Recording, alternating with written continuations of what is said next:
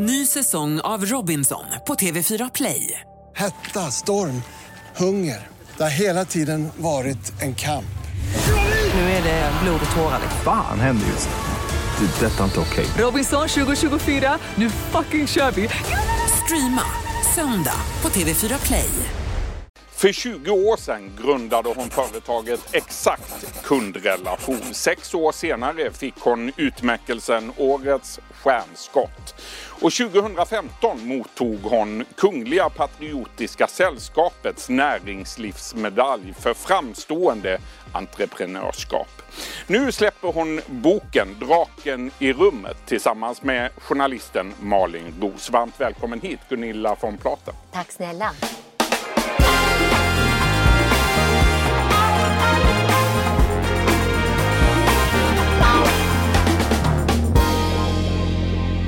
Gunilla, vi börjar från början. Du föddes i den lilla bergsbyn Sass i sydöstra Turkiet den 1 augusti 1972. Du växte upp med åtta syskon i ett strängt religiöst hem med rötter i hederskulturen. Hur skulle du beskriva din uppväxt idag?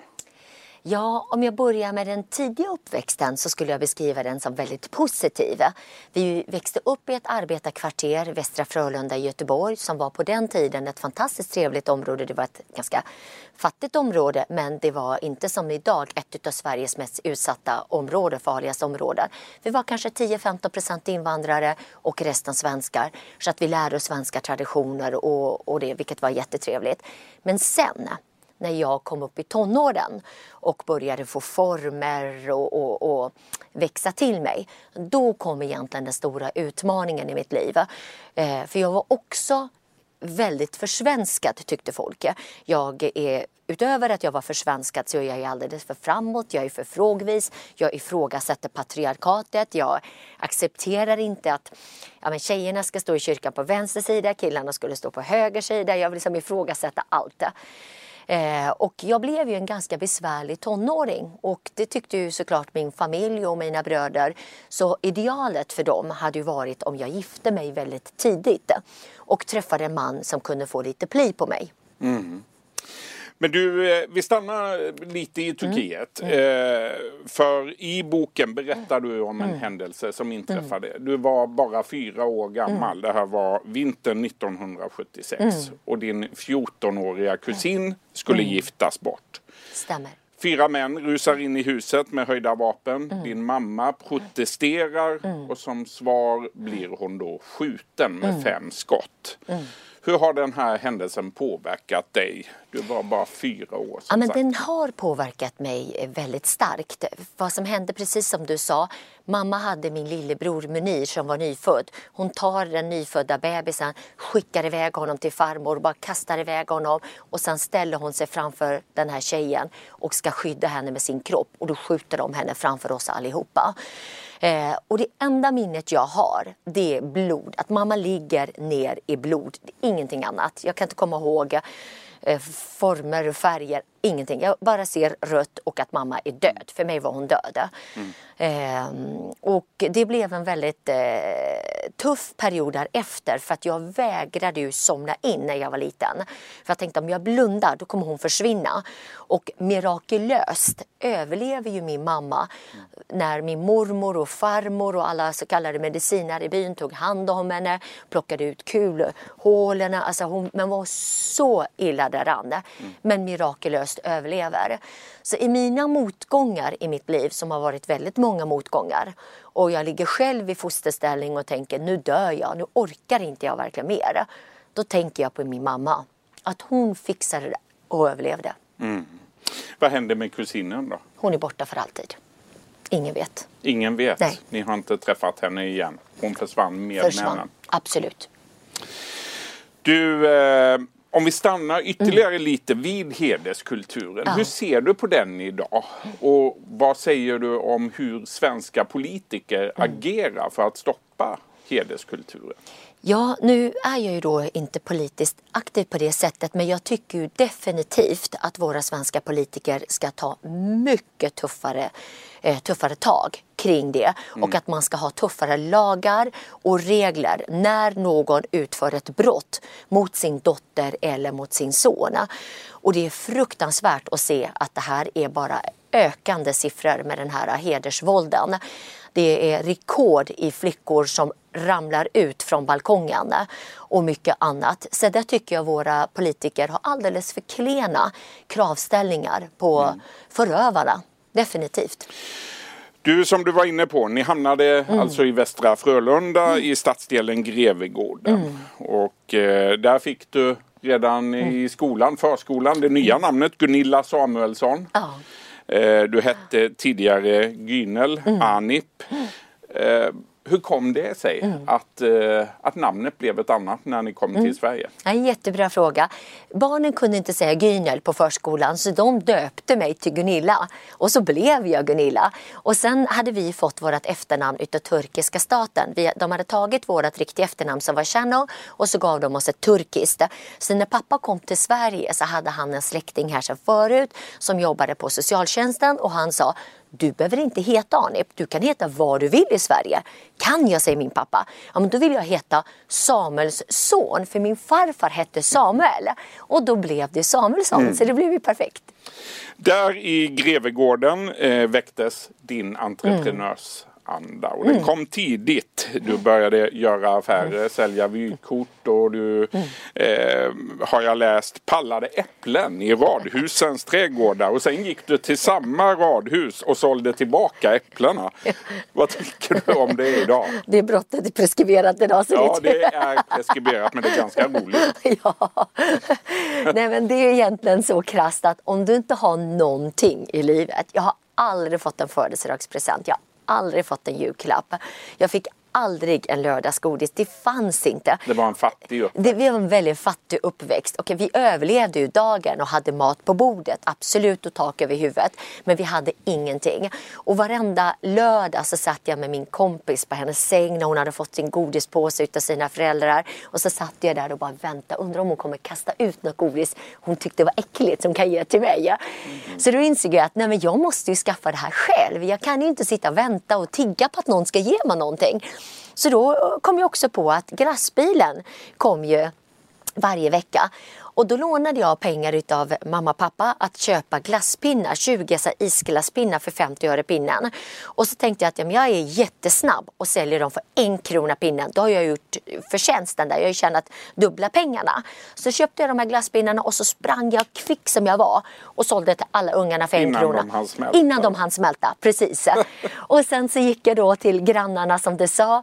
Eh, de plockade ju aldrig sina frukter. Så gick jag dit när de inte såg mig eh, plockade äpplena och sen tänkte jag att jag förpackar dem lite fint. Så jag la dem i små rosa sådär, korgar med rosetter och sen hade jag en mm. rosa liten prinsessklänning med långt hår som jag flätade och så gick jag knackade dörr där och stod där med stora och alla ögon. Köpte. Alla köpte tillbaka. Fantastiskt. Du, jag har läst att du ofta prutar när du handlar. Ja. Spelar ingen roll om det är på NK eller om på ICA. Jag älskar det. Jag prutade senast nu för en vecka sedan faktiskt på NK. Och då var det på rean. Lyckades du? Ja, för det var så roligt. För det var en jacka till min dotter. Vi behövde en skidjacka. De växer så fort barnen. Och då tänkte jag, då passar jag på alltid på rean. Och så var det 40% på den här jackan som var storlek 34. Och då sa jag så här, men vet du 34 är storlek. Det är inga som köper en 34. Du måste ge mig 60% för det här är den sista jackan du har. Han bara tittar på mig. Ja, men det kan ju inte, det är inte jag som bestämmer. Ja, men då får jag prata med den som bestämmer. Och det slutade med att jag kom hem med en jacka med 60 rabatt. det? Jajamän. Och ja, det är ett bra tips till oss alla då. Det går. Det går. 95% av gångerna går det faktiskt. Fantastiskt. Mm. Du, eh, något helt annat nu då. I skolan mm. i Västra Frölunda, där mötte du Veronica. Mm. Ni blev bästa kompisar. Mm. Men i mars 2003, mm. då hände något fruktansvärt. Mm. Då mördades Veronica i en lägenhet i Göteborg. Hur har den händelsen påverkat dig? Ja, men den har ju påverkat mig enormt, enormt starkt. Eh, den förändrade hela mitt liv. Mitt liv rasade fullständigt. I, vi pratade tidigare om att jag hade haft en tuff relation till min familj. Mm. Jag kände ju inte då att jag behövde min familj för min nya familj blev ju Veronica. Vi var ju allt för varandra. Det var ju inte en dag som gick där vi inte pratade med varandra timmar. Så när jag var uppe i Skellefteå och jobbade med exakt dygnet runt så kom jag till hotellrummet klockan 12 på natten och då satt jag och Veronica från 12 till 2 på natten och bara pratade om allt. Och då hade hon också lilla Markus som hade fötts och så. Mm. Eh, så hon var ju min familj. Vi har gjort allt man ska mm. göra tillsammans. Så och när hon plötsligt så bara Bara rycks ifrån oss på det sättet. Eh, nej, jag, jag var fullständigt under isen och kraschlandade på alla sätt. Och sen var jag ju tvungen att vara stark för att hennes son fanns ju kvar där, mormor och morfar och familjen. Eh, jag fick stänga av mina känslor helt och hållet för att överleva. Men eh, jag har legat många gånger i min lägenhet och bara skrikit av sorg. Det har jag gjort. Och jag kommer aldrig komma över det. Det finns alltid ett tomrum i mitt hjärta. Och min dotter heter ju Veronica i andra namn. Mm. Jag klarade inte det som första namn. Men jag tänker på henne varje dag i min vardag. Små saker som man gör och, och tänker positiva saker. Och jag kan se henne oftast framför mig, hennes otroliga leende, underbara, vackra ögon. Och en stor här. sorg som Enorm du bär med dig. Enorm. Du eh, Gunilla, nu släpps alltså boken ja. Draken i rummet. En bok på 314 sidor som mm. du har skrivit tillsammans med journalisten Malin Roos. Varför mm. ville du skriva den här boken? Ja, jag fick förfrågan av eh, Abbe Bonnier för ungefär tio år sedan. Eh, jag hade sommarpratat och så sa han att du måste skriva en bok. Och då sa jag att det kommer aldrig ske. För att om jag ska skriva en bok så måste jag utlämna mig själv, min familj, prata om hederskultur, prata om mycket annat som är väldigt jobbigt och också mycket tabu att prata om. Eh, men för ett och ett halvt år sedan så gick faktiskt min pappa bort. Och, och, det var bara som, det var någonting som hände i mig i den här förlusten av min pappa. Och sen får jag, utan att överdriva, flera hundra mejl i veckan utav tjejer, killar, unga, gamla. De frågar om de får bjuda mig på lunch eller middag eller frukost. Säger du måste ändå äta. Vi har lyssnat på en podd. Kan inte du inspirera oss? Jag har en affärsidé. Och det är ju omöjligt för mig att träffa alla dem. Och till slut kände jag så här, nej jag är redo. Om jag kan inspirera andra och, och, och, hjälpa dem i olika situationer i livet. Och det spelar ingen roll om det är entreprenörskapsresan de behöver stöd, så har du det i mm. boken. Mm. Om det är hederskulturen så har du det i boken. Är det att växa upp i arbetarkvarter så har du det. Flykting har du det. Metoo så har du det.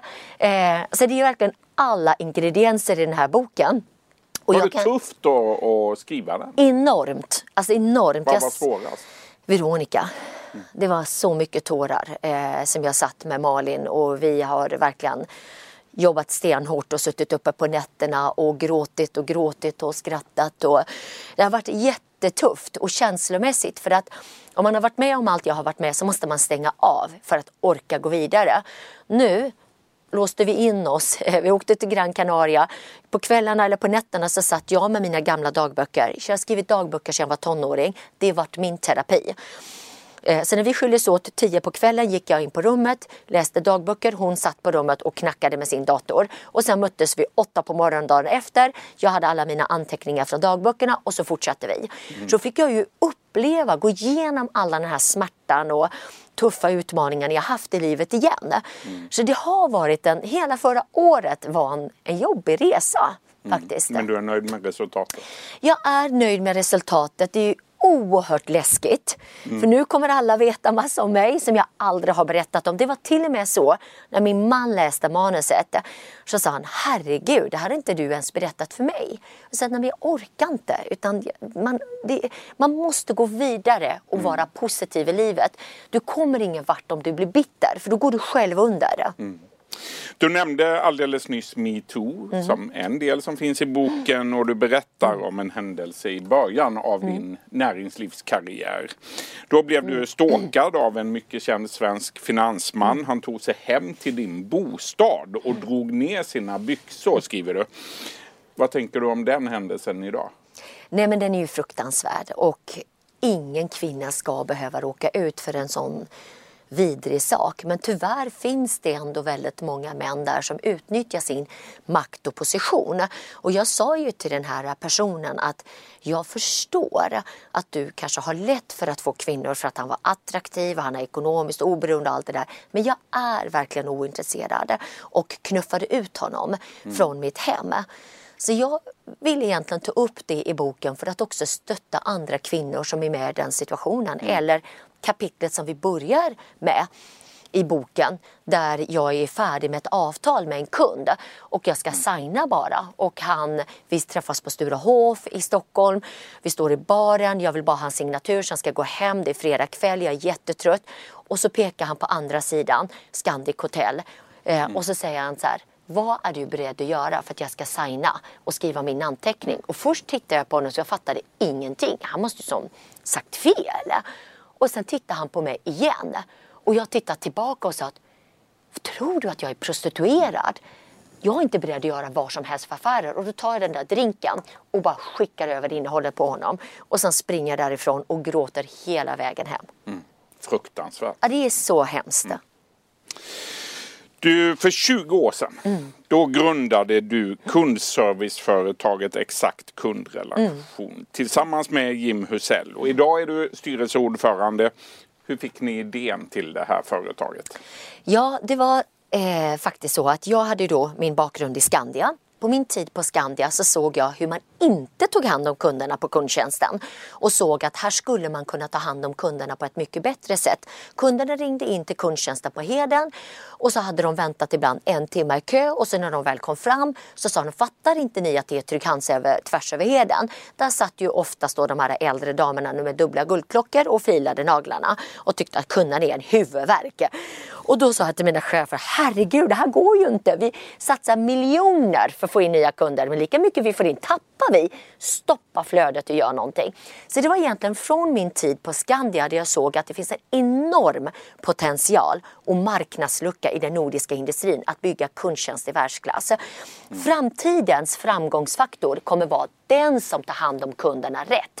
Det är ingen skillnad på de stora försäkringsbolagen. Det är till och med samma i det finstilta. Det enda som gör skillnad, det är den som tar hand om mig. Mm. Så där fick jag idén till mitt företag Exakt kundrelation. Och sen så var det faktiskt så att vi var ute med Ulf, Ulf Adelsson på, eh, på en båttur i Stockholms skärgård. Och så skulle jag försöka förklara för Ulf vad jag skulle hålla på med. Och jag försökte, försökte och tyckte inte riktigt han fattade. Men exakt det här ska vi göra. Och då började jag leka. Hmm, exakt. Där kom namnet. Där kom namnet. Det där var ju bra. Exakt kundrelation. Och så lekte vi med namnet och stavningen och så mm. blev det exakt kundrelation som är absolut mitt femte barn idag. Det är det. Mm. Ja, du har fyra barn till. Till, exakt. Vi ska återkomma till ja. dem. Idag ingår du i prins Daniels nätverk. Mm. Du hjälper honom att inspirera mm. ungdomar runt om i landet till entreprenörskap mm. bland annat. Varför är det ett viktigt projekt? Jag tycker att det är jätteviktigt för alla oss som lyckas att ge tillbaka på olika sätt.